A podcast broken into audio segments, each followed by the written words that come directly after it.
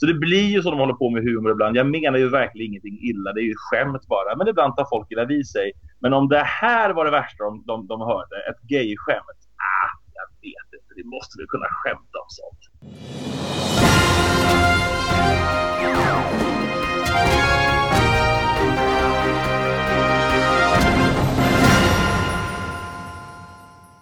Hej allihopa och välkommen till ännu en extra insatt podcast från Schlagerprofilerna. Vi tänkte ju ändå att vi skulle avsluta det här Eurovision-året på något bra sätt. Och eh, jag är ju inte den som lämnar saker fort utan jag vill fortsätta älta det här lite till.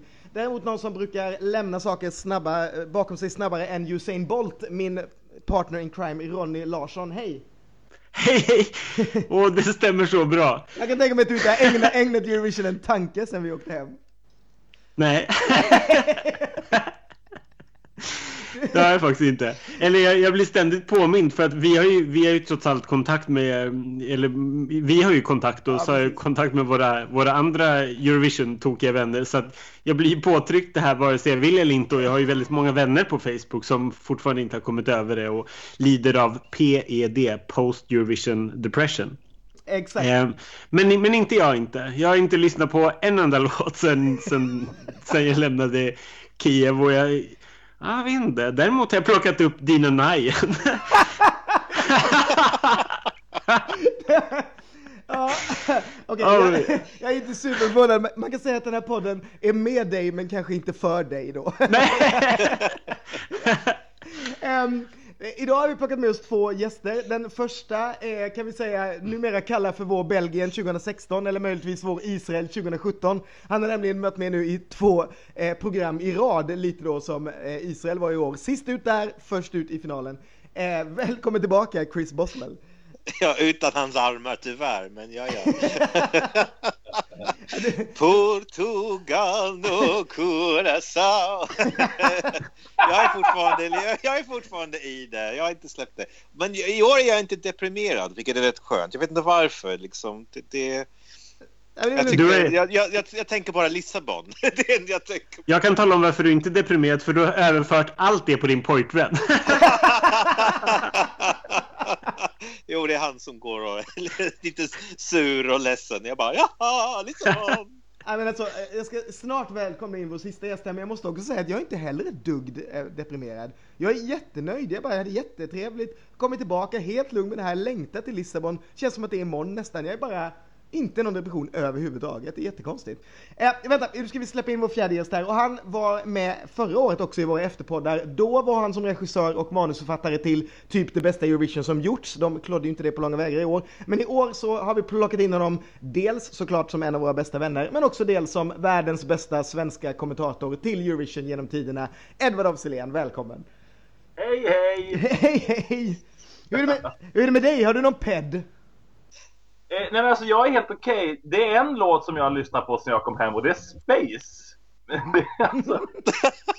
Vad heter han? Slavko? Slavko. Du skrattar hemma. Ja, det är lite otippat. Men det var, det, du fick med dig den, eller lyssnade du på den innan också? Eller kom den liksom med? Nej, jag tror, inte jag, jag tror inte jag hade riktigt förstått den innan. Så kom jag ner så hörde den, så blev jag helt kär i hela liksom, upplägget som var Slavko. Och nu har den liksom fått följa med mig de här, efter, de här, de här dagarna efter Eurovision. Men jag skulle nog säga att jag har släppt Eurovision ganska snabbt också. Att man går ju vidare, det är skönt att komma hem. Jag var ju där i över två veckor. I liksom 15 nätter. det, är, det är ganska länge i bubblan kan man säga. Ja, så jag var liksom redo att komma hem och gå vidare. Vad gjorde du under de, under de dagarna? Var det liksom bara, var det bara skrivande eller liksom hur, ja, hur gick, hur gick de dagarna till? Jag hade inte förskrivit så jättemycket i år för att just för jag visste att jag skulle vara där så länge. Så jag tänkte att jag sitter i Kiev och gör det här. Så jag var ute på arenan och kollade på lite rep och jag hängde på det här hotellet och jag bara lät dagarna gå och åt väldigt mycket smält ost i bröd. Som man gör i Kiev. Det missade vi helt. Vi åt mest hamburgare. Ja, samma här. Mm. Ja, men det, då har man aldrig åkt tillbaka. Men så här, det är ju väldigt mycket manus att skriva. Du vet, de här hela tre programmen, det är nio timmars tv som man får skriva manus till, till både mig och Måns. Så jag satt mest och skrev och skrev och skrev på hotellet. Och, och rätt mycket att prata över för tv-tittarnas skull också. Rätt Ja. mycket tv-tid som man ja, kanske inte vill liksom låta det som programledarna sa gå rakt ut i etern utan det behöver ju det behövde kommenteras. Exakt så. Men det var ju först vid första genrepet jag insåg att programledaren inte var något bra. För jag hade redan tänkt så här, men det här blir kanske bra ändå. Tre stiliga killar. Men, men vad jag funderar på är, sk- skrev du liksom, skrev du de två första programmen eh, och då får man med de flesta låtar och typ eh, Big Five och sen skrev du om när låtarna kom sen eller hade du liksom två på varje eller hur funkade det där? Nej. Nej, jag, skri- jag, jag skriver bara första två programmen och sen Big Five plus värdlandet. Och sen så är det liksom, fredagen blir ju en mardröm. Så Man går upp liksom klockan åtta på fredag morgon och börjar skriva 20 nya på år. Och man vill inte upprepa så mycket skämt. Jag tror jag upprepade något skämt. Som jag tyckte var så pass kul som man kunde säga två gånger. Och då får man ändå en arg tweet på det. Upprepa det inte! Liksom, folk, folk är så känsliga. Men var det ett kul Eurovision att, ehm, att kommentera i och med att du har gjort så många? Liksom, kändes, det, kändes det som ett kul, ja, Ja, ett kul gäng? Jag tycker det här var ett av de roligaste som jag har fått kommentera. Det var, det var, liksom, det var precis tillräckligt mycket bra saker och till- tillräckligt mycket galna saker. Um, programledarna var sådär precis fåniga nog att man kunde göra sig lite lust över dem utan att bli liksom mobbande. För jag vill heller, inte- jag vill heller inte inte sitta och mobba dem liksom. Plus att det känns så tycker jag när jag sitter i det där båset. För jag skrev ändå förra året och Måns ledde förra året. Vi kan ju inte sitta liksom och... och alltså vi, blir ju, vi, vi blir ju... Vad säger man? Vi blir ju outhärdliga och, och ganska obnoxious om vi sitter liksom och, Mm. och, och, och sågar dem för mycket. Mm. För så lätt är det ju inte att göra Eurovision. Det vet ju vi som försökte, försökte göra förra året. Det är ju svårt. Mm. Så att det var lite en balansgång det där tycker jag. Måns ska ju heller inte sitta och liksom vara för elak mot programledarna som själv var programledare. Det, var, det var ganska knepigt, men jag, jag tycker vi landade på en bra balans där. Hur mycket kommer du på i stunden och hur mycket skriver man innan? Är det liksom... eh, Jag tittar ju på genrepen och då kommer man på saker i stunden och så skriver man ner dem och så låtsas man komma på dem i stunden under sändningen. jättebra. Så tänker jag. Vad, Men vad, sen händer ju saker, det händer ju saker i sändningen också som man, som man plockar upp. Det är klart att händer någonting så är man ju beredd eller försöker vara beredd. vad var du mest nöjd med? Helt ego. Ehm, oj, alltså, oj jag, jag tycker nog tonen mellan mig och Måns, alltså det är svårt att skriva manus till två personer, det måste kännas liksom naturligt. Jag tycker att det blev väldigt roligt. Jag tycker att publiken fick, fick skratta lite med oss, men huvudsakligen så hoppas jag att folk tycker att vi bara gjorde det på ett snyggt sätt. Personligen är jag väl mest nöjd med att jag fick in en väldigt rolig grej tycker jag under omröstningen. För när han streakade den där eh, ukrainska provokatören som sprang upp och visade rumpan på scenen Mm. så tänker man ju så här, okej det där måste jag komma ihåg om någonting händer nu senare. Och sen senare under omröstningen så dyker det upp någon som ska ge röster från typ Kroatien och så var det en staty bakom en naken rumpa. Som stod liksom med- rumpan mot, mot kameran och då sa jag att det där var kvällens andra nakna rumpa. Då tyckte jag själv att det var roligt. Det var faktiskt väldigt roligt. Ja, Så det, det är min, ur egoperspektiv jag är mest nöjd med. min absoluta favorit är fortfarande Artsvik Prosit. Jag tycker att det är så otroligt roligt. Jag, alltså jag skrattar varje gång jag hör det. Det är, så, det är så kort och så genialt och en viss typ av humor som jag bara går rakt in i mig. Det är så roligt. Det låter ju verkligen... Ja. Det var roligt. Jag tycker det var väldigt, väldigt, väldigt kul att ingen har dött på Eurovision-scenen sedan Bonnie Tylers karriär dog 2013. Det var det skämt som jag tror fick mig själv att skratta mest. Too soon, too soon! Kränkt nummer ett. Ja, nej men eh, på tal om att dö på scen, ska vi eh, gå över till årets vinnare och prata lite om det? Så kan vi flika in saker under tiden. Det har ju hänt en hel del efter att Salvador Sobral eh, höjde den där bucklan kan man säga med viss eh, tveksamhet. Det känns som att mycket av det som hände innan har liksom omvärderats och så vidare sen han sa eh, det här eh, citatet om eh, fast food music när han eh, tog emot sitt pris. Eh, jag har hört allt möjligt från min egen konspirationsteori till att han inte alls var sjuk utan bara var lite för fin för att komma. Eh, vidare då till eh, Robin Bengtsson som ju eh, eh, kommenterade det på Instagram och idag läste vi då att de rumänska, den rumänska duon också hade lagt in lite, och eh, de hade väl sagt eh, the Portuguese act didn't have a heart problem but head issues, vilket jag tycker är väldigt, väldigt roligt. Och jag tycker också att det, de anklagar också Portugal att använda väldigt billiga trick, vilket jag tycker är helt fantastiskt från ett land som hade på blingade kanoner och joddlade liksom. Det, är- det, ju- det är ju bara Eurovision. Eh, men Ja. vad, vad, vad säger ni själv om allt det här? Hela grejen. Men är det möjligt att han, att han, att han bluffade om det här verkligen? Det låter helt otroligt. Nej, Ja. nej, det är inte möjligt. Nej, det tror jag inte. Och samtidigt, man fick aldrig den känslan, tycker jag i alla fall i Kiev, att det var, alltså det var verkligen ingenting de ville prata om. Alltså det var verkligen, jag, nej, jag, inte, jag vill inte prata om det. Jag, var, jag stod bredvid Tobbe Ek när han skulle intervjua liksom, och, och det var verkligen locket på. De ville inte prata om det. Så liksom, det kändes inte för mig som att det här är någonting och här kan vi få lite röster. Det, det tycker jag inte alls var så, utan tvärtom. Jag tyckte de, de kunde ju, om de hade velat, gjort en mycket större grej av det, av det än vad de gjorde. Så, så nej, jag tycker det är, Jag, jag håller lite märkliga. Mm. jag håller verkligen med Chris. Om man tar exemplet med de här nederländska tjejerna i O'Gene Mm som sjöng för sin döende mamma. Och jag vill absolut inte vara cynisk kring det. Men de spelade ju mycket mer på det gentemot oss kommentatorer till exempel. Vi fick liksom ett, ett mejl två timmar innan sändning, bilder från när den döende mamman överraskade tjejerna bakom scen. Hon kom till Kiev, hon sitter i rullstol bakom scenen. Och jag har inget som helst emot det. Tvärtom, jag blev ganska rörd när jag såg bilderna. Men det är ju ett sätt för att få oss att prata om det och på så sätt få röster. Så kan man ju säga. Mm. Från det portugisiska teamet fick vi aldrig någonting som... Jag menar, han hade väl stomatikpåse under den där skjortan. Alltså, vi får se. Vilket, Jag, tror det. Det var, det var, men ja, det, det, det pratades om en hel del bakom scen, men det var ingenting de någonsin liksom... Alltså, de kyssade ju ner hans sjukdomstillstånd snarare, tycker jag. Mm. Det är väldigt intressant det där, för, för det, det, det är också väldigt roligt tycker jag att, att eh, eh, snacka om det här med med trick och så, för jag, för jag tycker det, det är en liten dubbel grej här. Att samtidigt som att han går ut då när han väl har vunnit och säger att det här var någon sorts seger för en lite bättre typ av musik och då också på något sätt se ner på resten av Ah. tävlingen. Vilket ju är bara, den, den, vi ska snart komma till den biten också. Så Ja. måste, måste man säga att eh, det, det är ju faktiskt, de gör ju precis samma sak på något sätt. Det är, så här, det är klart att de utnyttjar alla. Han gick runt med en tröja som var liksom SOS för flyktingar, vilket jag också såklart är helt för. Men det är inte så att de också försökte använda trick för att få uppmärksamhet. Det är inte också så att hela hans liksom uttryckssätt, att de inte visste att, att det är ett vinnarbidrag och så vidare och så vidare. Det är klart att Portugal använder varenda trick som finns i boken för sin genre. Och det är också så att den där låten är precis lika effektiv och eh, fast food music i sin Det är väl inte, det där är väl liksom, det där är ju amerikansk musical, inte fasen är den en sorts svår grej. Vil- Vilket jag kan tycka så här att han, han biter sig själv i foten genom att, att säga, säga den där grejen. Men sen så håller jag väl med, jag tror inte, det var, det var inte så, jag, jag tror absolut inte att den här låten vann på att han var sjuk. Det, det var någonting annat med det som gjorde att det, att det vann. Eh, men det är intressant, du, jag vet att du hade en jättebra grej om det där Edvard, om hur man vidare som vinnare kan säga en sån här sak eller inte.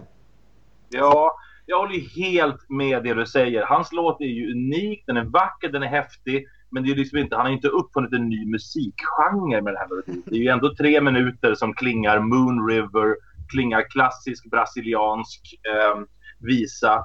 Så att eh, det var lite överdrivet. Och jag tycker att det där talet han höll, som faktiskt Måns och jag, vi satt och lyssnade på det live i liksom vårt bås, beredda att översätta. Och om ni lyssnar på sändningen så hör ni att vi är lite så här knäpptysta direkt efteråt. Vi visste inte hur vi skulle översätta det faktiskt. Jag blev så irriterad att jag blev stum. För jag ville liksom inte säga någonting dumt i det ögonblicket. Så jag, jag tror att jag bara signalerade mot Måns och bara Måns snälla ta den här du och han gjorde någon snygg enkel översättning. För jag tyckte det var så himla eh, osnyggt sagt. Därför att som segrare behöver du ju aldrig påvisa att det du har gjort är bättre än någonting annat. Du har ju vunnit. Det säger det säger du nog. Då har vi ju sagt åt dig att det du gjorde var bättre än någonting annat. Har du vunnit behöver du inte på något sätt höja det du själv har gjort. Nej. Det var Alltså, jag- så ofult. Så fult. Ja, ja nej, men alltså för mig det var så att jag kände det var typiskt så här mansplaining. Det var typiskt sådär, du, nej men det, vi har alla sådana vänner som när vi har vuxit upp som liksom haft lite bättre musiksmak än vad vi har haft och tyckt att den musiken de gillar, är- det är ändå lite bättre. Det är ändå lite kvalitet bakom det jämfört med det här som ni lyssnar till och det här ABBA som är så dåligt och cheap commercial music. Och det var det som retade mig. Jag, jag kan fatta att han själv känner så.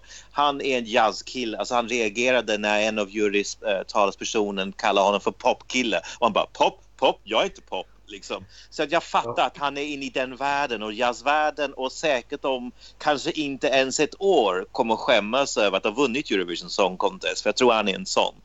Så jag fattar att han är så, men jag bara tycker det var, det var fel tillfälle att säga det. Det var fel tidpunkt. Det var det absolut. Och, jag, och det roliga just den där grejen, det var, det var Aminata som sa det från Lettland. Hon kommer väl också Just från, det. från, från eh, Idol, vilket han också gör.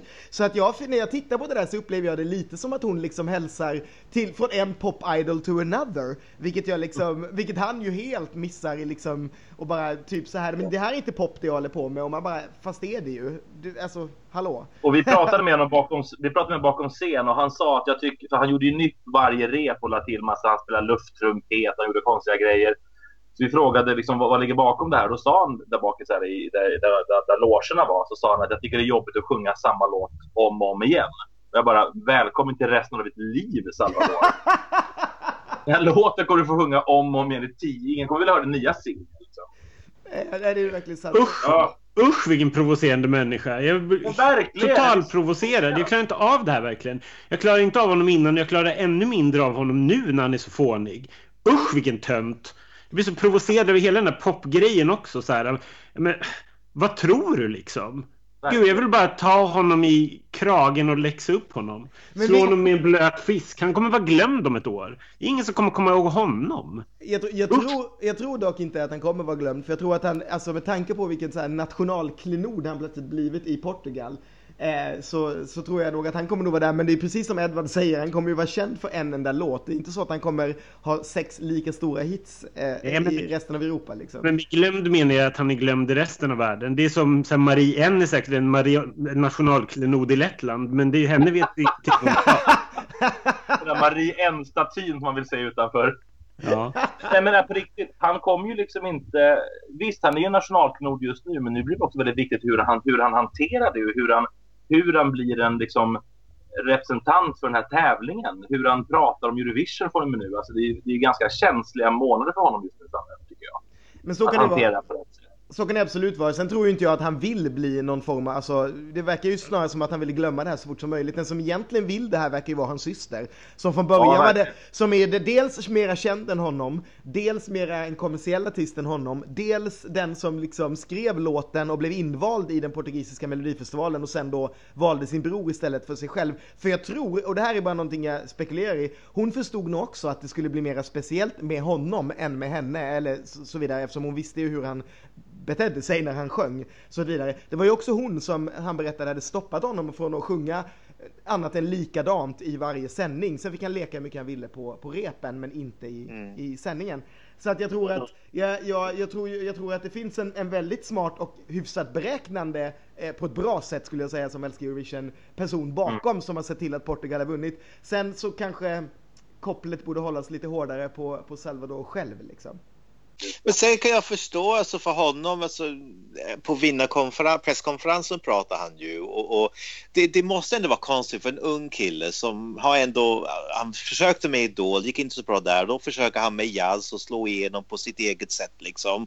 Ja, Han släpper en skiva, ingen bryr sig, liksom, den säljer inte, den spelas inte i radio.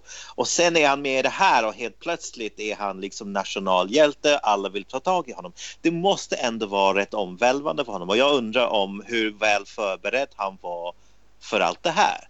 När han ändå ställde upp i portugisiska finalen visste han att det skulle bli så här. Det är det jag undrar, för det kanske också förklarar väldigt mycket av hans reaktioner efteråt. Att han var inte riktigt förberedd för allt det här, känner jag. För Nej, att de reaktioner han kom med.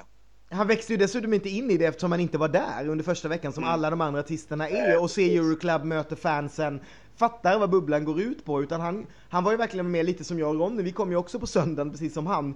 Eh, man, det går ju väldigt fort, nu har vi gjort det här så många gånger så vi vet vad det innebär. Men man har nog väldigt svårt att förstå vad det är man är inslängd i eh, och så vidare. Och visst, jag ska absolut inte försvara honom, men jag tycker fortfarande det är det dummaste som har hänt. Eh, däremot så kan man ju liksom allt, eh, det, det är precis som Edward säger, det handlar ju väldigt mycket om vad som händer nu. Inte så mycket vad man sa just då, utan hur man hanterar vad man sa just då. Kanske, även om det var dumt sagt liksom. Men får jag ställa er en fråga? Alltså, hur tror ni att hans vinst kommer påverka Eurovision i framtiden? För nu har vi ändå haft två vinnare två år i rad som inte har någonting på en radio eller på liksom en, en, en kommersiell radio att göra. Mm, Vi är tillbaka på 90-talet igen. Det är Irland all over. jag skulle tyvärr. säga att... Jag Den skulle, risken finns ju. Jag Jag hann skulle- ju höra alltså- ett, sk- en skivbolagsrepresentant som sa just det att när en Euphoria vinner tävlingen, när en Heroes vinner tävlingen och plötsligt har man en, en, en låt som är etta i vad är det, 25 länder. Det är klart att det ger eld i baken till skivbolag på ett annat sätt. Att vara så här, shit, här finns det ju en marknad. Det här kan ju vara två steg tillbaka. Hur ser ni på det? Jo men jag skulle vilja dra det ännu längre för jag säger att vi har haft tre sådana låtar på fyra år för Conchita var den som började med det här. Det var där man Just. såg att det gick att vara liksom eh, hitta någonting och sen så bredde Jamala på det. Sen har vi visst att Conchita stod för någonting som vi fyra kanske står närmare om hjärtat. Men jag menar, där började det med ett politiskt budskap som Jamala sen tog över. Det han inte har är ju det politiska budskapet, vilket är rätt härligt, men det är ändå någonting som inte är så speciellt radiovänligt. Och vi är, jag håller med Ronny där, vi är lite på väg mot 90 och jag är mest rädd för Melodifestivalen för att vi Ja. röstar ju inte på sånt där. Eh, Där är ju Loreen ett väldigt tydligt exempel. Vi är ju inte där. Så om Eurovision går dit, då, då kommer vi att, eh, ramla ner som vi var i början, på noll, eller någonstans där i mitten på, på 00-talet igen. För att vi, vår publik är inte riktigt där. Sen ska jag ju säga det att nästan alla jag träffar röstade på Portugal. Eh, så, så att det, det men, men jag tror inte de skulle göra det i Mello. Liksom. Men jag tror ändå att det finns utrymme för den typen av musik som Melodifestivalen producerar. Det, alltså det visar sig ju bara i år och jag tror att samma sak kommer vara, alltså och Polly förra året, att det kommer, den här kommersiella poppen finns ju där i toppen i alla fall. Eh, däremot så kanske vi inte kommer vinna utan då handlar det om att hitta liksom en euphoria eller någonting som verkligen, verkligen sticker ut. Eh, men jag, jag vet inte. Jag, ja, jag, tycker bara att det, det, jag tycker bara att det är synd, men vi, vi är ju också det är ju två, ett, eller ett mellanår känner jag, både Melodifestivalen Ja. och Eurovision. Det känns inte som att, att inte ens svenskarna embracear liksom låtarna från Eurovision i år, utan de dalar väldigt snabbt på Spotify. Och så var det ju väldigt mycket med Melodifestivalen också tyvärr, att det, det vart ju inga jättestora hits av det egentligen, som det var förra året, där liksom låtarna levde väldigt, väldigt länge. Och det som jag tyckte var mest tråkigt, och det, vi får se om det utvecklas samma sak nästa år, men det här med liksom enskild artist stå själv och egentligen lite på leddarna att vara scenshowen. Att de står bara där och sjunger eller försöker sig på en liten dansrutin. Och det tyckte jag var det tråkigaste med årets tävling. Att det var så lite show egentligen. Att det, man tänker Moldavien, Rumänien kanske. Det, det var inte så mycket mer. Det var inte mycket dans. Och det tyckte jag var väldigt tråkigt för det blev väldigt enformigt hela, hela liksom, Ja, man Massa märker olika att genrer. vill ha det. Man verkar att folk vill ha det, Chris. Om man kollar i första deltävlingen, både Grekland och Cypern kom ju med ganska klassiska liksom, Eurovision-dansuttryck Mm. och båda två går till final för att det var väldigt svaga låtar.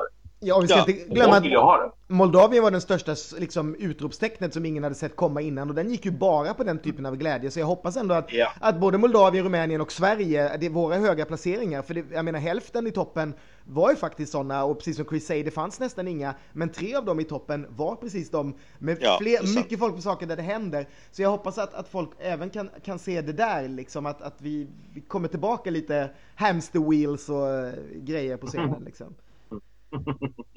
Men hur fel missbedömde vi Italien? Jag förstår inte. Den här ettan från svenska tv-tittarna. Ja, den är lite konstig. Det där, vi, vi har ju pratat lite om det löst idag, att det där skulle vara årets största fanwank. Jag tror aldrig jag varit med om en låt som höjt så hårt av fansen Nej. och de som lyssnar innan och sen som Nej. fallit så hårt. Nej.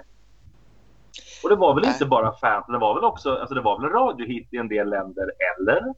Italien framförallt var det ju väldigt stort, men i några av- Mm. av länderna runt omkring också. Mm. Ja, men där tror jag det, det är återigen det här att, att, att vi hann uppfatta allting. Vi hann ju förstå, alltså få reda på vad texten handlar om. Vi hann ju med väldigt mycket på de här månaderna. Vi såg att låten var en hit och vi drogs med. Jag tycker fortfarande att det var fan bästa låten. Liksom, så det, och sen kan jag förstå att folk inte fattar det direkt med en nedklippt version, kanske i många länder utan ens någon förklaring. Liksom det, jag Mm. kollade på vissa, jag tror, tror det var BBC's, där var det ingen förklaring av vad gorillan var för någonting och vad den stod Nej. för utan det var bara en rolig grej. Och, och då fattar jag att, att, att, att den liksom inte riktigt går hem, att folk inte kan ta och, och sen att det var väldigt rörigt. Alltså jag tror om man kollar på Sanremo-uppträdandet, kameraarbetet, hur den har regisserats jämfört med Eurovision. Den, Ah. den funkade i flyttat till den stora arenan med stora arenor. Alltså man, man fick aldrig riktigt någon bra kontakt med honom. Det flaggade ni också för under, under, repets, under repveckan. Liksom. Man fick aldrig den här ögonkontakt under, under repen. Och det tror jag man behöver med honom. Man behöver se att han är en liten rolig typ. Uh, och, och, och liksom ha en, en sån karisma som han ändå har. Det tycker jag man missade på något sätt. Ja, jag tyckte absolut, han, han, han var ju inte alls lika, så skärmen kom ju inte fram alls. Och sen tror jag det jag har ju plöjt den där videon så himla många gånger och lyssnat precis som du säger, men det verkar inte, folk verkar inte alls ha liksom förstått den, utan den kom tidigt, de hade inte hört den innan, det var någon apa med, men de tyckte bara det var fånigt, och så gick de vidare och sen kom Portugal två nummer efter liksom. Mm, mm. Och det är farligt, ja bra, ja, bra sammanfattning Ken. Men det är också farligt att skicka ett bidrag som på något vis kräver att 52 stycken kommentatorer, eller hur många yeah. länder nu alltså det är många länder som sänder det här, att 52 kommentatorer säger exakt rätt sak i påan, i vykortet. Därför mm. att annars var det bara en konstig gorilla på scenen. Eh, och eh, italienarna var inne på vårt så här, kommentatorsmöte som vi har med alla kommentatorerna. De, de kom dit och försökte förklara för oss att ja, den här apan är alltså inte en gimmick, det är inte en gimmick. Men de flesta kommentatorer tror jag ändå tyckte att det var en gimmick och beskrev inte för tv-tittarna vad texten gick ut på. Som jag och Måns faktiskt ändå tog och gjorde. Mm. Mm, ja, nej, men är det, är det Italien som var de mest besvikna i eh, förra lördagen eller vad, vem tror ni att det var? Ja, absolut. absolut. De, för, de, för, de förstod ingenting. Bakom scen så såg de faktiskt ganska eh, skärrade ut. För jag tror att under hela juryomröstningen tänkte de, ah, ja, ja, ja.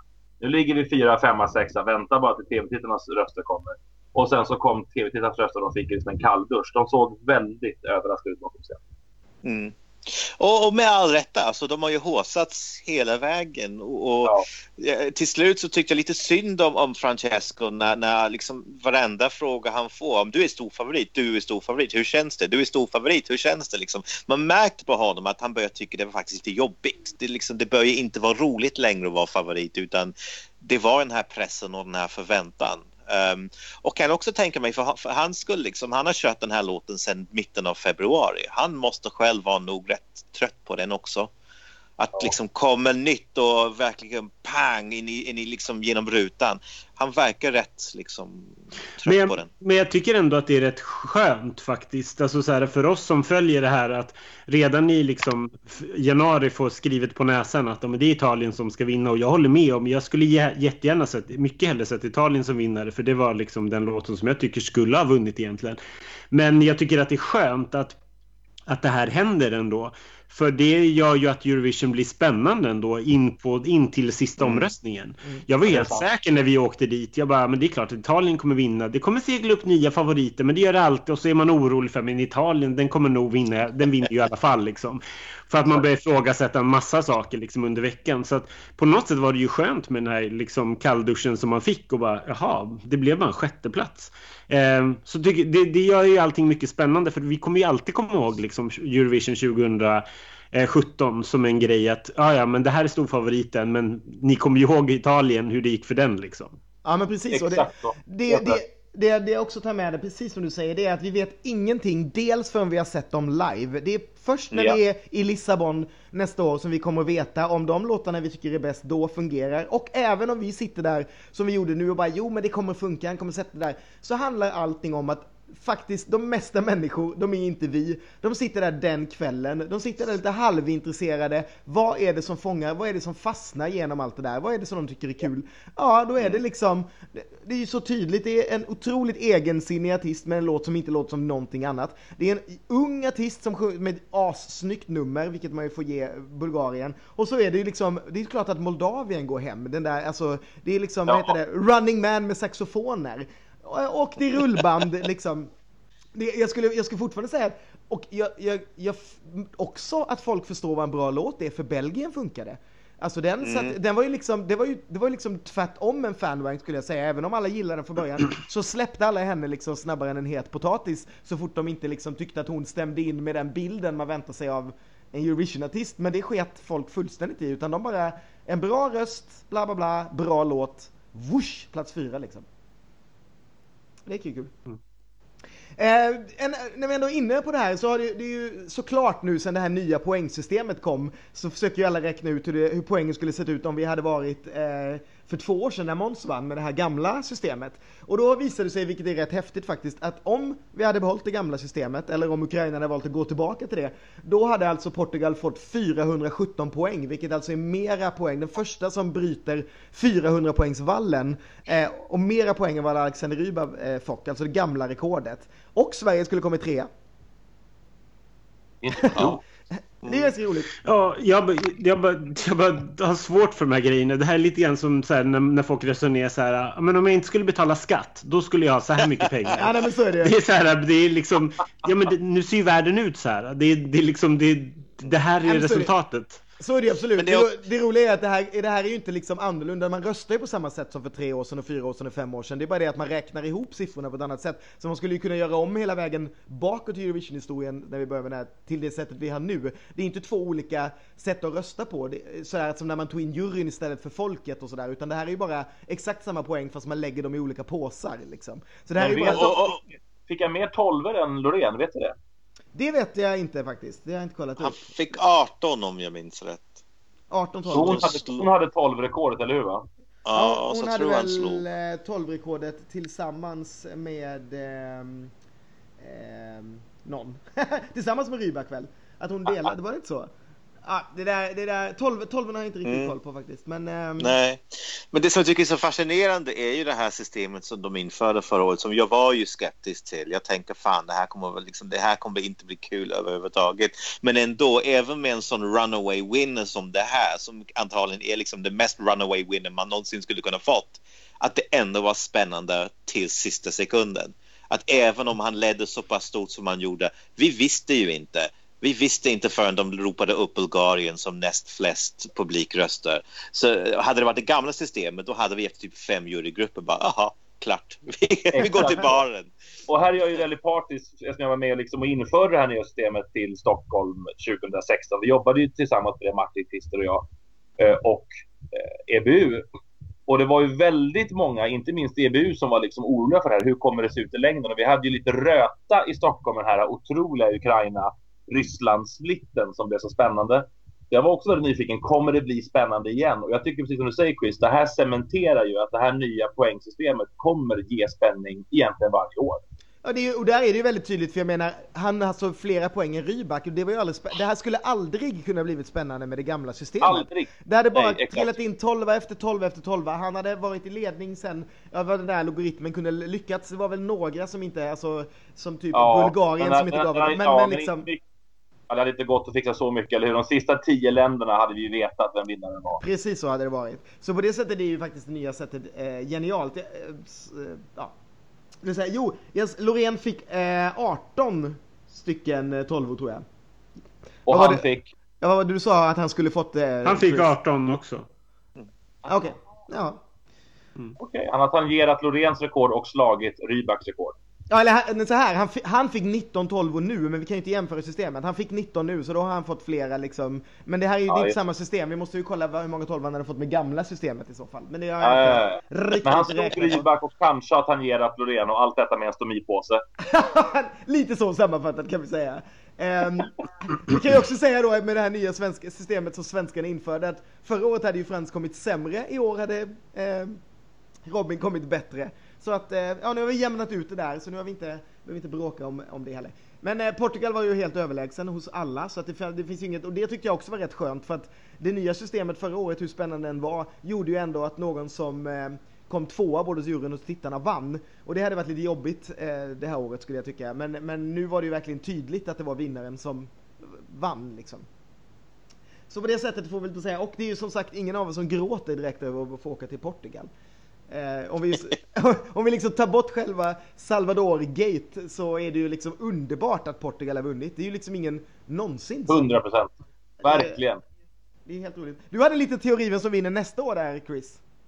Ja, för att det var ju te- teorier om att alltså, folk sa ju redan innan att Portugal, Portugal skulle vinna.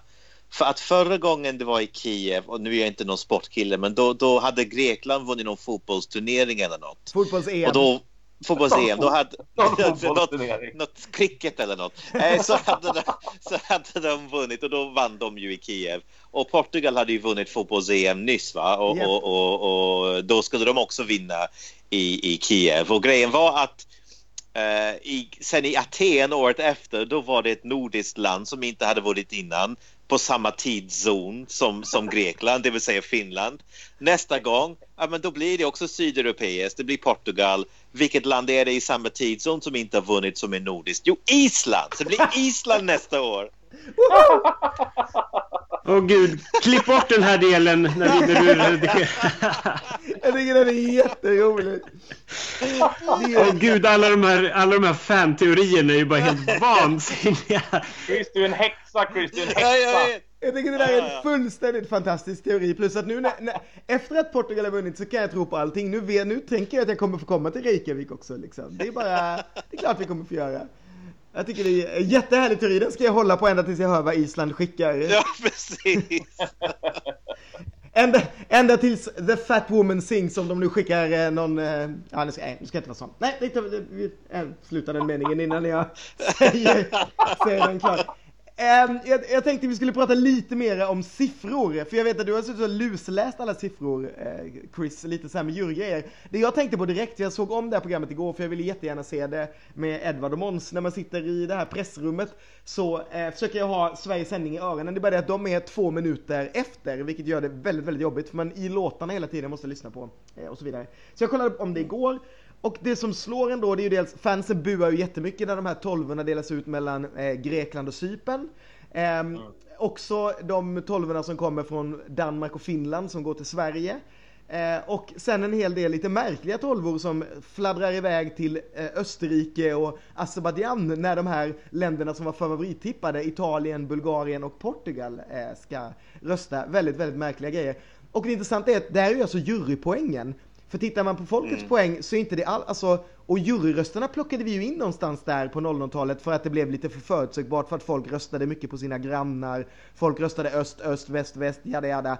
Men nu när man tittar på hur juryn röstar, ja då är det de som ger Moldavien sin 12 om man sitter i Rumänien och så vidare och tvärtom. Eh, de har ju blivit liksom, jurygrupperna känns som de har blivit det nya, eh, ja men, jobbiga. Sådär. Ja. Mm. Nej, det är, det är vissa grejer som sticker ut tycker jag. Alltså, för det var väl Bulgarien som gav Österrike sin tolva. Och, och, och, vad var det där? Men sen om man kollar deras siffror. De tyckte, he, alltså hela juryn tyckte, liksom tyckte helt olika från varandra. Det är nästan som vi sitter och röstar. det blir liksom bara, det blir, oftast blir det jättestora skillnader och det gjorde liksom att jag tror det var i Bulgariens jury, den sa, alltså någon hade Österrike fyra och det räckte att den skulle få deras tolva för de tyckte så helt motsatta från varandra. Vilket är ju både intressant men också liksom visar hur, hur godtyckligt det där med musik är med på något sätt. Um, andra länder var mycket mer lika. Det finns vissa länder där det verkligen liksom, det skiljer kanske tre eller fyra placeringar på varje låt liksom mellan de olika jurygrupperna eller jurymedlemmarna som också är lite intressant att det skiljer sig inte mer.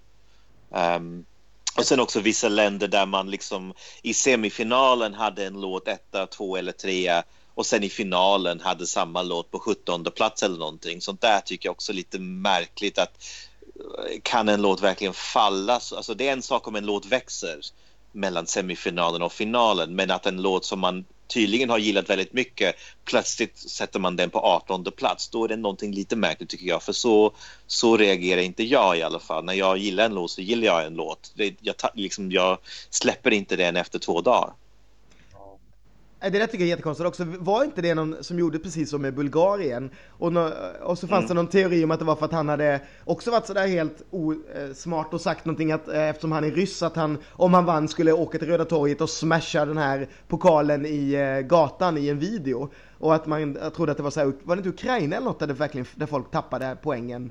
Liksom. Ja, jag tror det. Ja, ja, ja. Det, det, så det, det är flera jurygrupper där det är lite så. Att, att låta som man hosat jättemycket plötsligt ja, man har ändrat sig. Man tycker helt liksom, olika, helt annorlunda om låten och det tycker jag är lite konstigt. Och jag tycker det, det är tråkigt för att det, liksom, man, blir ju, man ifrågasätter hela resultatet. Det krävs bara ett par stycken som röstar lite konstigt för att hela, hela jurysystemet ifrågasätts, vilket det görs. Det ser vi ju i fanmedia de senaste dagarna att folk bara, men varför ska vi ha dem kvar om de röstar så här? Om, om vi inte kan riktigt lita på att de bedömer låtarna som låtar, men varför ska de vara kvar? Nej men för, för där ligger ju själva poängen att, att de ska ju, det är, inte, det är klart att de inte ska rösta som folket, det är ju en sak liksom. Sen kan man ju undra ibland när de är så väldigt ur synk, men det är ju därför de är där. Men man kan ju undra vad det är de bedömer just då när det blir liksom Grekland ger 12 till Cypern och tvärtom. Eller liksom till exempel när någon då som, som när man från Ukraina kan tappa massa placeringar bara för att någon har sagt någonting. Eller då den klassiken när Armenien alltid sätter Azerbajdzjan sist och tvärtom och när nu till och med Azerbajdzjan satte Cypern näst sist alla jurymedlemmar för att han är armenier. Förmodligen. Eh, det är ju då, det är då de, de skjuter sig själv i benet. Liksom. Men vad, vad, är det någon som har idéer på vad man kan göra åt det här? För jag är ju för en jury, för jag tycker att det blir mera... Annars är det ju bara att titta på hur låtarna har gått på Spotify så har man resultatet. I stort sett, för att hårdra det. iTunes, Spotify liksom. Alltså jag, jag, jag, jag, jag tycker det är helt ofattbart. Jag, jag, jag förstår inte den situationen. Jag, för det är så främmande från hur vi svenskar tänker. För vi är så himla... Ah. Vi, så, vi ska gå rätt till och man ska rösta på, på rätt sätt. Och liksom, vår jury sitter verkligen... Jag, jag, jag, förstår inte. Och jag drog någon, någon line när jag kommenterade då jag liksom försvarade de här grannröstandet och skämtade om hur vi i Norden också grannröstar på varandra och det är egentligen ingen skillnad. Men så kommer omröstningen och Cypern ger Grekland 12 poäng och tvärtom. Och det är ju helt, orim det är helt orimligt att någon tycker att Hoviks Gravity, ursäkta mig Thomas Gesson, är årets bästa låt. Det är helt orimligt. ja, men det är ännu mer... som dessutom arbetar med musik. Ja, det är ju lika orimligt liksom åt andra hållet, när hon falsksjungande grekiskan, liksom, att hon får, att hon får 12. Jag, jag, på något sätt så försvarar jag ju ändå liksom de danska och norska poängen, eller, eller vad det var, för att vi var ju ändå i toppen. Så det är ju inte så konstigt att, att, folk, att folk sätter oss som 12. Jag menar, de som är topp 10, absolut, liksom, det är inga problem, men det är ju orimligt att, att de andra länderna, alltså av tradition, eh, ger, liksom, ger varandra poängen. Men det största problemet är ju verkligen den här alltså rankingen när man ser så tydligt liksom att Armenien, det är väl Armenien och Azerbajdzjan ja. som ständigt sätter varandra i botten. Och för mig är det helt ofattbart att EBU kan gå med på det här. Jag skulle bara plocka ut länderna på en gång. Det finns ingen som helst ursäkt till att de är kvar. Jag håller med. Att, att det här accepteras år efter år är ju vansinne tycker jag. Det är så otroligt eh, vad heter det, tandlöst eller vad man säger av, mm, av, e- av EBU att inte göra någonting, att bara se genom fingrarna med det här. Mm. Och, och, ett av problemen tror jag som jag funderat lite på är kan det ha med att alltså, vi, med, med vårt tänk att vi, ja, vi publicerar namnen, det garanterar att det blir inget konstigt liksom. För de måste stå för sina poäng. Men mm. jag tänker i många andra länder, det blir ju ett problem. Skulle en armensk jurymedlem sätta Azerbajdzjan på något annat än sista plats, vad skulle reaktionen i Armenien vara för den, jury, liksom den jurymedlemmen? Mm. Mm. Alltså det, det, är också det som är problemet, att, att, det är olika sätt att se på saker och ting mellan de här olika länderna och, och det är verkligen att göra en statement att, i ett land att inte sätta det andra landet sist. Så, och jag vet inte hur man ska lösa sånt där, för jag tycker det, det, det... Alltså, vet du vad? Det finns en ganska lätt sätt att lösa det på, det är att inte släppa in länder där man inte kan få rösta i en musiktävling som man vill. Har man inte den politiska friheten i ett land, då måste man faktiskt göra någonting åt det. Och det är väl liksom ett av problemen, att man liksom ser mellan fingrarna på alla möjliga saker i, i Eurovision och säger att det inte är politiskt och hit och dit i vissa fall.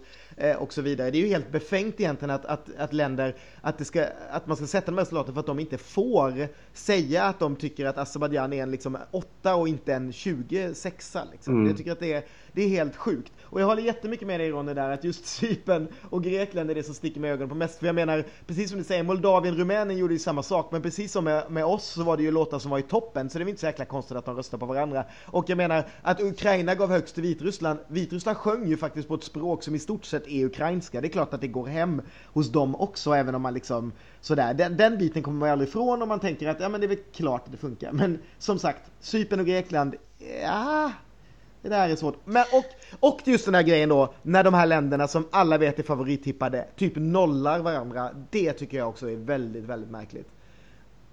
Jag menar om alla länder ger poäng till Portugal utom Bulgarien, ungefär.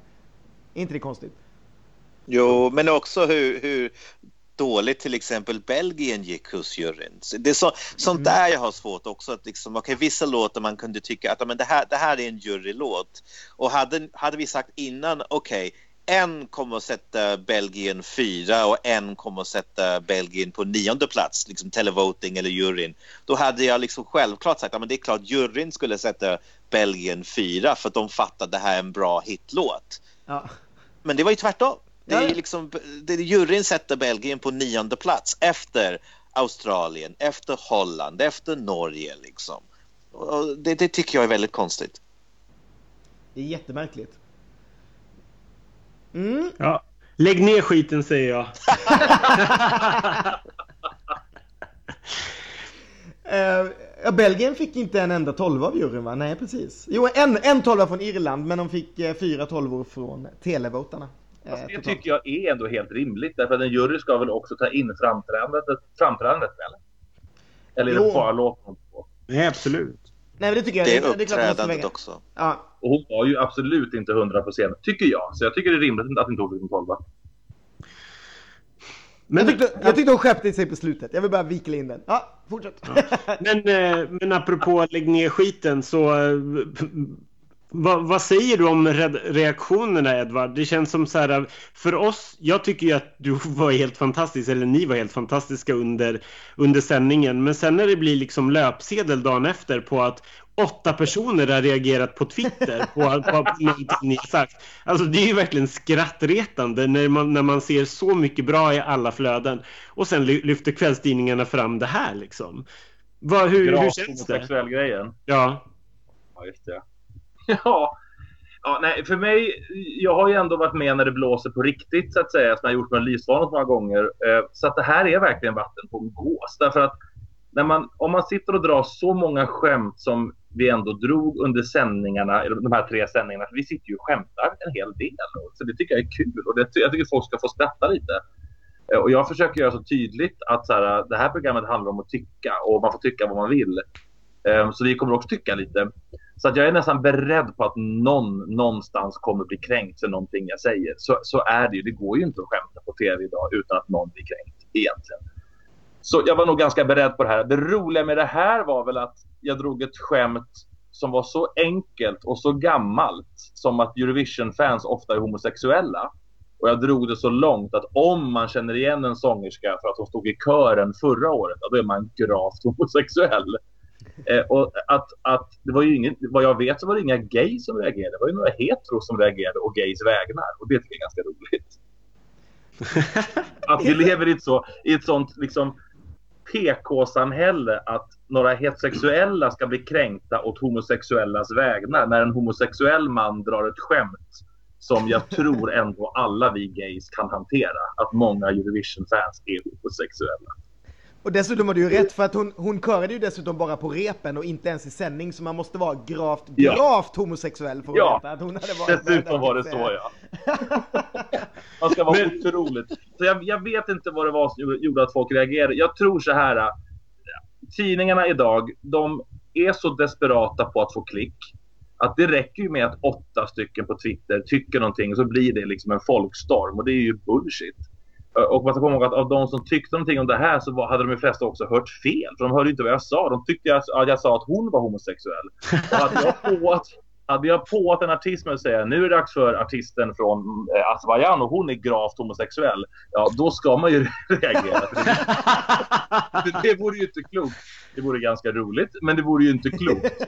Eh, och så, så dåligt omdöme har inte ens jag. Eh, så, att, eh, så folk hörde ju fel dessutom. Först, så första artikeln på Expressen gick ut på folk hörde inte vad kommentatorn sa och är upprörda. Så att, så att, det där var verkligen inte, det var inte mycket att hänga i granen. Men det är ju verkligen helt, det är verkligen, det är verkligen ett större under eh, än att Portugal vann. Att inte, att det inte blir fler reaktioner ändå, alltså på allting som ni pratar om, där ni ändå sticker ut hakan lite, så är det ju fantastiskt, alltså om man hugger på, på typ åtta Twitterinlägg. Ja. Det är ju fantastiskt verkligen. Ja, så, så känner jag också. Jag ska säga verkligen skämt åsido, när jag sitter med det här manuset, för jag har gjort det några gånger, jag har blivit det har, det har, jag har ju sagt saker som har kränkt människor tidigare. Jag menar 2000, ja var det 11 när eh, Dan International sjöng Ding Dong så gjorde jag ju en, en, en vits, en ordvits på Ding Dong och på hennes könsoperation. Och den blev, då fick jag, då fick jag de transsexuellas eh, riksförbund mot mig som var väldigt, väldigt upprörda. Så det blir ju så de håller på med humor ibland. Jag menar ju verkligen ingenting illa. Det är ju skämt bara. Men ibland tar folk illa vid sig. Men om det här var det värsta de, de, de hörde, ett gay-skämt. Ah, jag vet inte. Vi måste väl kunna skämta om sånt. Jag tyckte det var helt fantastiskt. Min andra bästa bit var också när du, när du drog om Kroatien och hur du hade hälsat på honom vid frukosten. det, det, det, måste ju, det måste ju vara liksom en dröm för dig som, som är liksom eh, manusfattare och liksom komiker och hitta liksom Alltså den här buffén av människor att skriva om. Det är jätte, jätteroligt. Men när jag sitter och skriver så väger jag väger verkligen in hur vi inte ska kränka folk. Jag försöker verkligen att så här, nej den här typen av skämt ska vi inte dra. Vi ska försöka att inte skämta om folks utseende. Men man kan skämta om vad de har på sig. Eh, vi försökt, alltså sånt där försöker man göra och inte gå på länder på fel sätt. Så jag, ja, man, man, vill ju inte ha folk. Drömmen är ju att ingen blir kränkt. Men som sagt var, att arbeta med humor idag och inte kränka någon, det är ju omöjligt, skulle jag säga. Jag måste säga att det är också en väldigt annorlunda ton i ert manus, till exempel Graham Norton som är en annan person som jag tycker är fantastisk. Jag kollade på BBC sändning. Det är mycket hårdare ton. Är det så lite något medvetet ja, från dig att lägga, lägga dig på en annan nivå än... För det är ju väldigt lätt ja. att raljera, precis som, som, som ja. du säger. Alltså. Ja, det är verkligen det. Och man sitter där och... Nej, det får inte bli raljerande. Och jag, jag högaktar ju Graham Norton. Han är ju en idol för mig. Men! Jag ser ju också hans manus till när han ska kommentera Eurovision och jag ser att det är lite för hårt. Alltså det, det, jag tycker att de är lite för eh, Ja, de är för hårda helt enkelt. Jag vill ju att vårt manus ska vara väldigt kärleksfullt och tydligt att vi älskar det här och sen så har vi lite roligt. Och jag tror att folk där ute i tv-sofforna säger betydligt värre saker. Så att, som sagt var, jag skriver det här manuset som man skriver ett humormanus. Det är så mycket kärlek det bara går. Och jag hade två vägar att gå med det här skämtet. Jag hade skrivit båda vägarna på pappret. Jag hade skrivit antingen och om ni känner igen henne som körsångerska bakom Azerbajdzjan förra året, så... Punkt, punkt, punkt. Då kan man antingen säga så har ni inget liv eller så är ni gravt homosexuella. Och jag tänkte, jag kör på har ni inget liv, för det är mycket, mycket tryggare väg att gå. Och så bara kände jag, äh, vad fasen, så är ni gravt homosexuella. så det nästan att jag kände på mig att någon skulle reagera. Det finns ju vissa så ord som poppar upp, men som sagt var, jag står så bakom ett klimat där man kan skämta om det mesta och inte minst sig själv. Jag tycker man ska kunna skämta om det mesta. Faktiskt. Jag, jag måste bara fråga, alltså när man sitter i båset och, och eh, kommenterar i direkt, direktsändning, får du aldrig satt fångsttankar att bara säga någonting? Jo, jo absolut. Alltså det, det, är ju skräcken. Det är ju skräcken ja. att säga någonting som man aldrig kan ta tillbaka sen. så är det. Ja. Så det är läskigt. Alltså man sitter där och kollar på ett program som man älskar och man har en, man har en mikrofon tryckt mot munnen. Så att man, man måste ju vara... Och det är därför jag vill förskriva så mycket som möjligt. Jag vill det ska vara planerat och uttänkt och man ska ha vägt saker på guldvåg. Hur många gånger du har gjort nu? Som du har kommenterat? Jag har kommenterat det här. Det är sju gånger nu tror jag. Ja, det är sju. Och vad är rekordet? Uh, Ulf Elving har rekordet på sju, eller om det är åtta. Det är sju han har va? Jag tror att det är åtta, var inte det? Jag har för mig att vi kollade upp det här. Jag har för mig att Ulf Engel hade åtta och att det här var ditt sjunde år. Ja, så Just. kan det vara. Jag har gått om Pekka, men jag har Ulf Elving kvar om jag nu någonsin får kommentera igen. Alltså efter första gången jag kommenterade 2009 tänkte jag jag kommer aldrig få göra det här igen. Det här var liksom en dröm att få göra en gång. Så att, att ha gjort det sju gånger är ju, alltså det är en dröm. Det är lite intressant för jag tror att alla som sitter hemma, och det här säger jag med all kärlek i hela världen, vill inte ha någon annan än dig. Jag tror att det här har du liksom etablerat in så starkt att det, och det märker man själv när man tittar på, jag tycker inte att det här programmet var så dåligt nu när jag tittar på det, jag tyckte det var en ganska underhållande program, och det är ju bara för att ni är där på något sätt och, och, och, och eh, och förhöjer det. Så att jag, jag tror att, okej, okay, eh, det här är ju lite nyheter för många tror jag, att det är faktiskt något som bestäms från år till år att du ska göra det här. Det är inte något, det är inte något fast Nej. jobb du har kan man säga. Nej, verkligen inte. Utan det bestäms från år till år.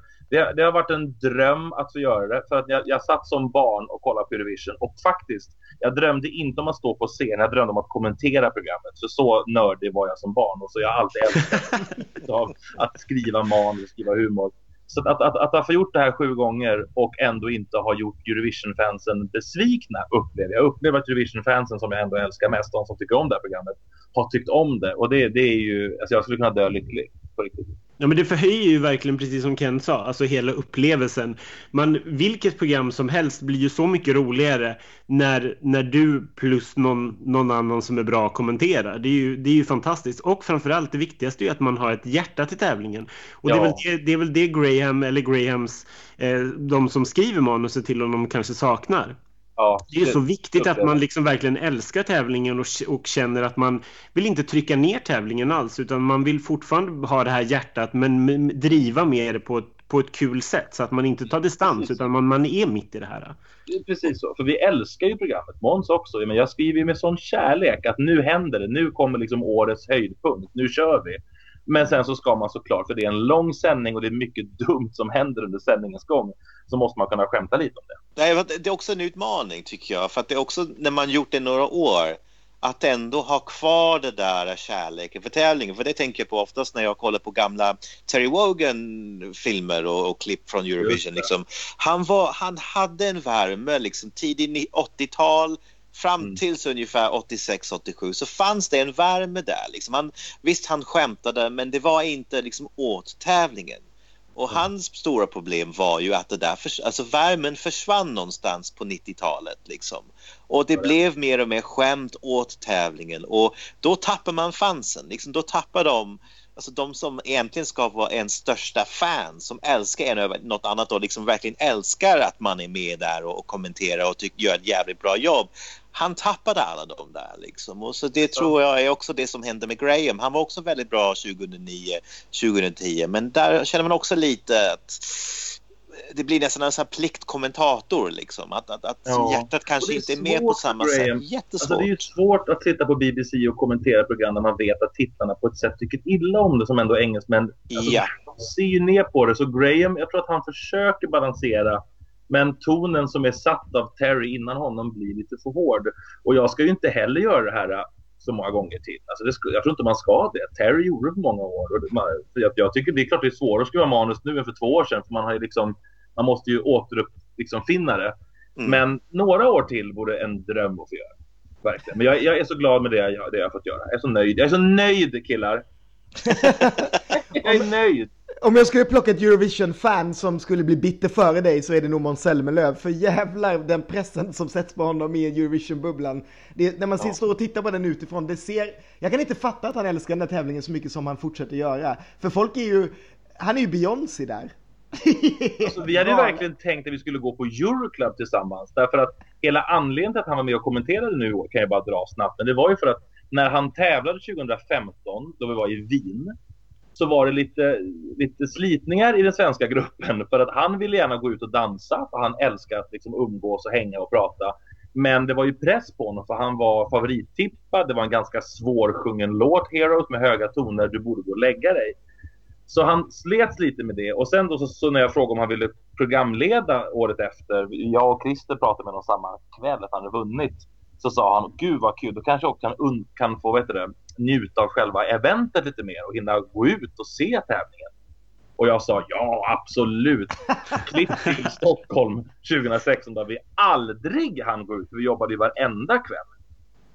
Och då sa, jag, då sa han, fan jag skulle vilja få uppleva Eurovision på ett sätt där jag också för liksom hinner, hinner se och träffa fansen och gå på festerna. Och då sa jag, men kom och kommentera nästa år. Så vi hade verkligen planen att gå ut och festa i år, vilket vi försökte göra. Vi gick till Euroclub och jag var inte beredd på den galenskapen som skulle inträffa. För jag, jag tror inte vi tänkte på hur stor han är i Eurovision-bubblan. För jag tänker på honom som Eurovision-vinnaren och liksom vår vän och vår duktiga kollega. Men för dem är han ju vinnaren och programledaren som ledde ett väldigt bra Eurovision, som tyckte de. Så det var ju helt omöjligt att gå på Euroclub. Det var ju liksom Alltså, värre till- nu än när vi var i Wien. Alltså det var, det var ju helt Ja, galet var värre. alltså. Ja. Det var lite obekvämt. Jag kände det. Jag vet inte hur ni kände. Till, exempel, till och med i pressentet när ni kom ner och skulle bara hälsa på liksom. Ja. Den här kön som plötsligt bildar sig och folk som vill ta selfies och de som pratar. Och, och han är så snäll och så trevlig och han säger ja. Och, men, men samtidigt man känner det här bara. Men, jag, jag, ta honom härifrån. Ja, let, him, jag kommer let, ihåg let det. him go! Let him go! Let him be free! Och då tog Edward ner honom i tunnelbanan, eller hur? Ja. Ja, det var sån trafik, trafikledning så jag sa nu åker vi tunnelbana. Så vi åkte Kievs tunnelbana till arenan. Det var ju inte det mest glamorösa ögonblicket. Det var ganska lugnt i tunnelbanan tills någon så, bara så här, såg att det var han och bara “Excuse me, are you Måns Zelmerlöw?” och sen blev det en kö även på tunnelbanan. Så att, Nej. det är ju galet. Men, men, men vad fan, roligt för honom. Värre kan man ha det. Men, Ja. men eh, Ja, då. Det, det var tufft. Nej, det bara... Han får, komma, han får komma med nästa år. Jag kan ta med lite eh, peruker och solglasögon. Nästa år kommer han som mig. Jättekul. Ingen bryr sig ett skvatt liksom. Ja, det blir underbart. Ehm, ja, är det något vi har missat att prata om eller ska vi försöka runda av den här lilla, lilla bygget? Vad, vad saknar ni mest av Kiev? Vad tar ni med därifrån? Jag saknar Finland och Estland och Island i finalen. Jag vill spola tillbaka och sätta in dem där istället. Liksom.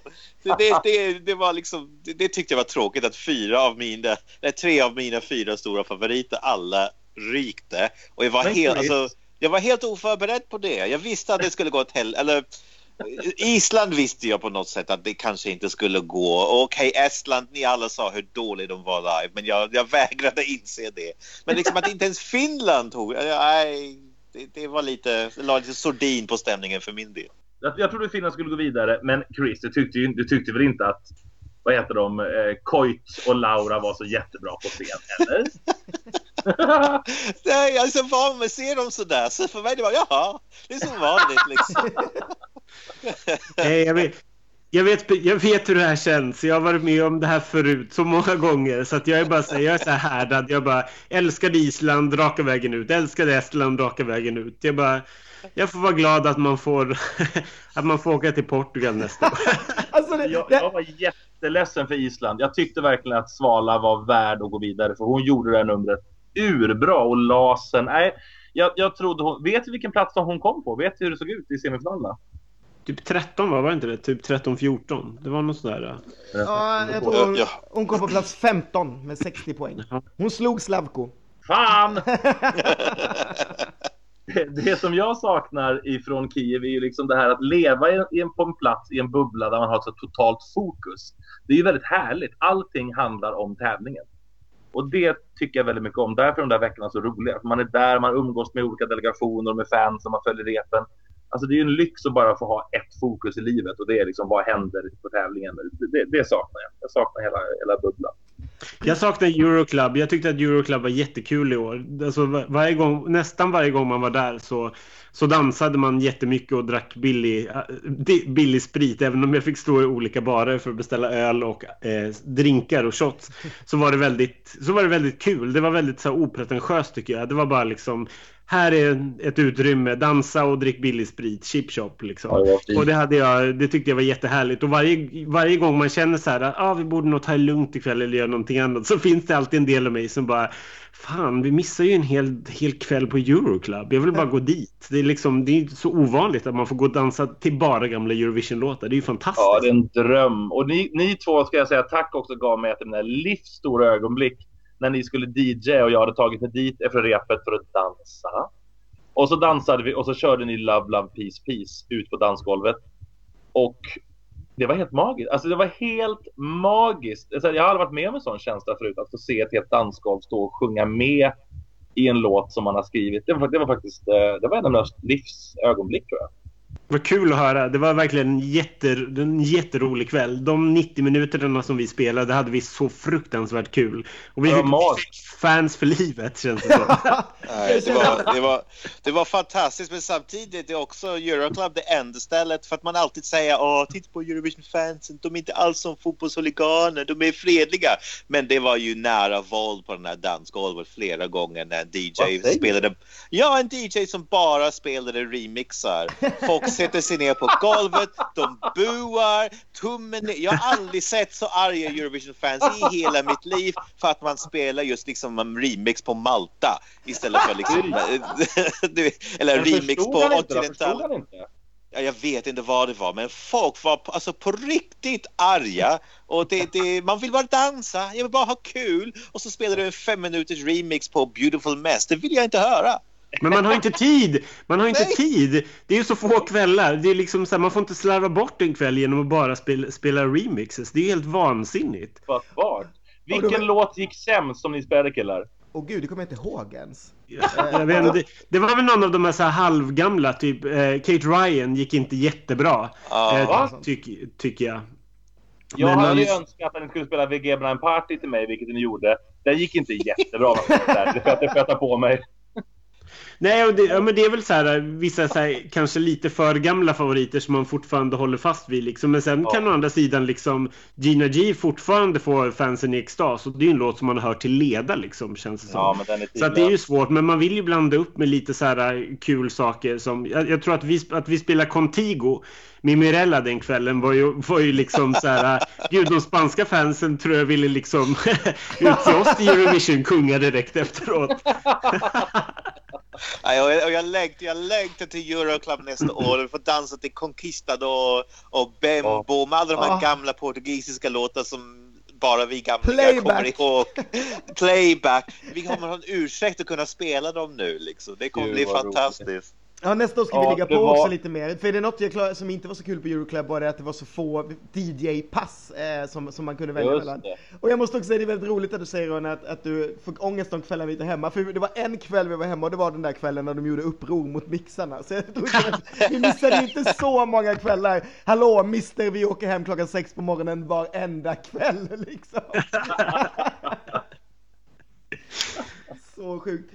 Nej, jag måste säga det, det jag, jag håller med Edvard precis. Jag älskar, det jag saknar mest det är er och få vara där i den där bubblan med typ mina bästa vänner och bara vara fokuserad på det här och bara glömma bort att man har en massa annan skit på så här jobb och personliga saker och sådär utan man bara, det största problemet är verkligen om liksom Gabiani ska ta en kamera dagen efter eller inte eller om man får, om det liksom, om, om det blir en Rimax eller om jag ska köpa liksom två öl när jag ändå är framme och istället för att ställa mig i kön en gång till och dricka båda själv. Liksom. Det är liksom den typen av problem man har. Så fruktansvärt underbart. Man kan inte ha en bättre semester. Det är helt fantastiskt tycker jag.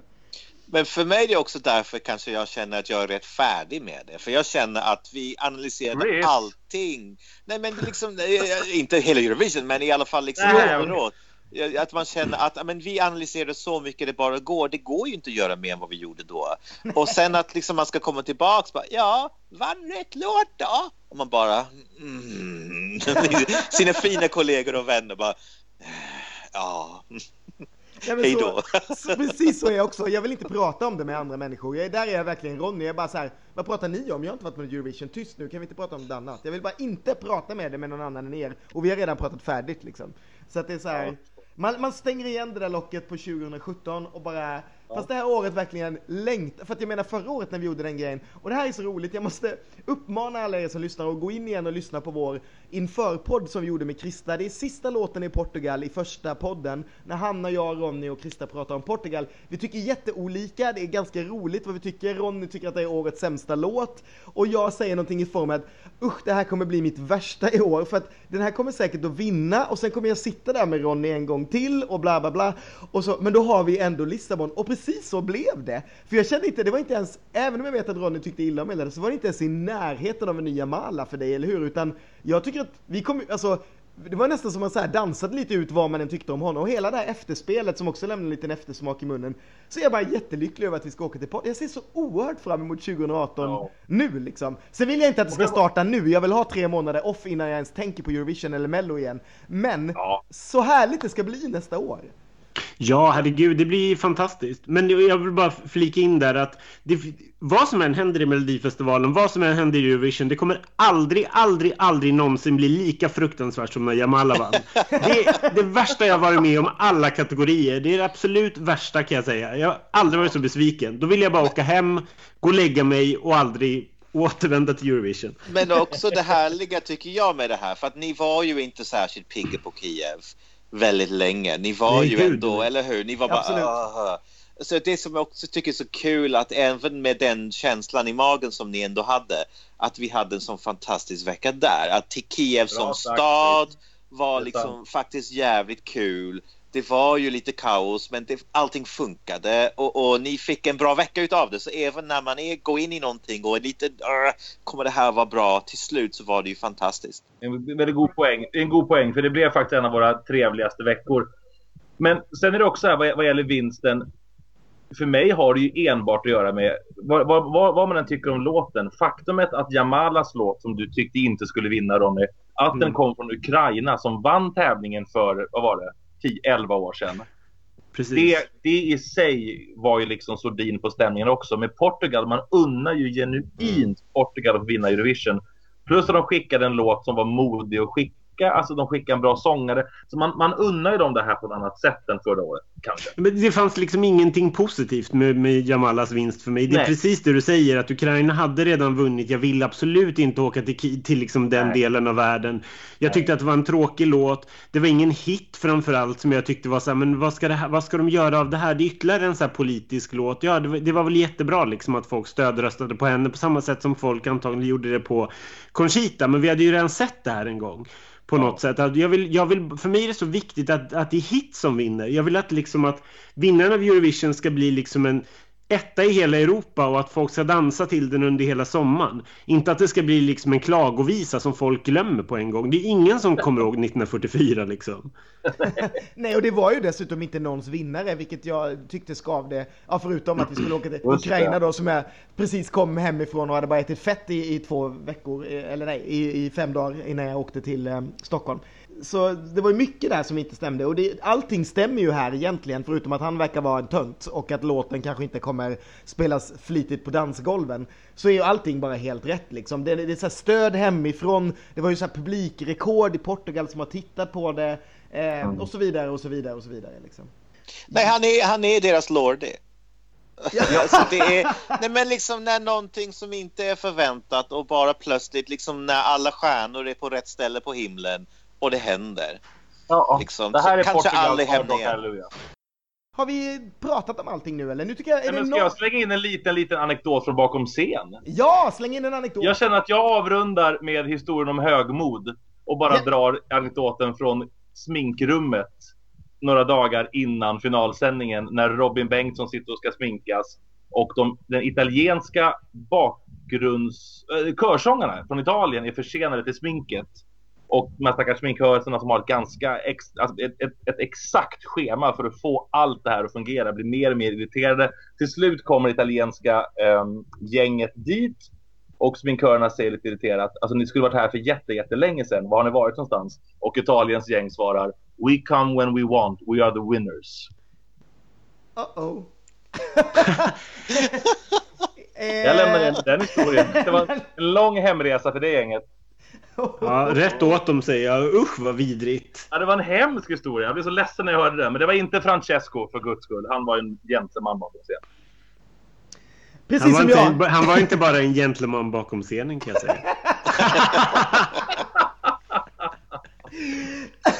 Det jag tycker jag är perfekta ord att sätta punkt för schlagersäsongen Det tycker jag 2016-2017. med. Eh, alla som har lyssnat, tack så fruktansvärt mycket till ni som har varit med här nu i podden idag. Jättetack Edvard och Chris. Jättetack till alla som var med i våra införpoddar innan. Eh, och eh, vi kommer tillbaka Kanske om vi hittar någon intressant gäst innan sommaren, men annars så tar vi sommarlov nu. Ronny ska få glömma bort det här. Och till i september någon gång kommer jag börja skaka på honom igen och fråga är det inte dags för lite podd? Och då kommer han att svara jo, det är det. Så eh, adda oss på, in, på iTunes, eh, håll koll på Facebook, håll koll i bloggen så hittar ni oss där. Men från, från nu, nu är det över. Gott nytt Eurovision-år. Puss och kram. Hej då! Hej då! Hej då!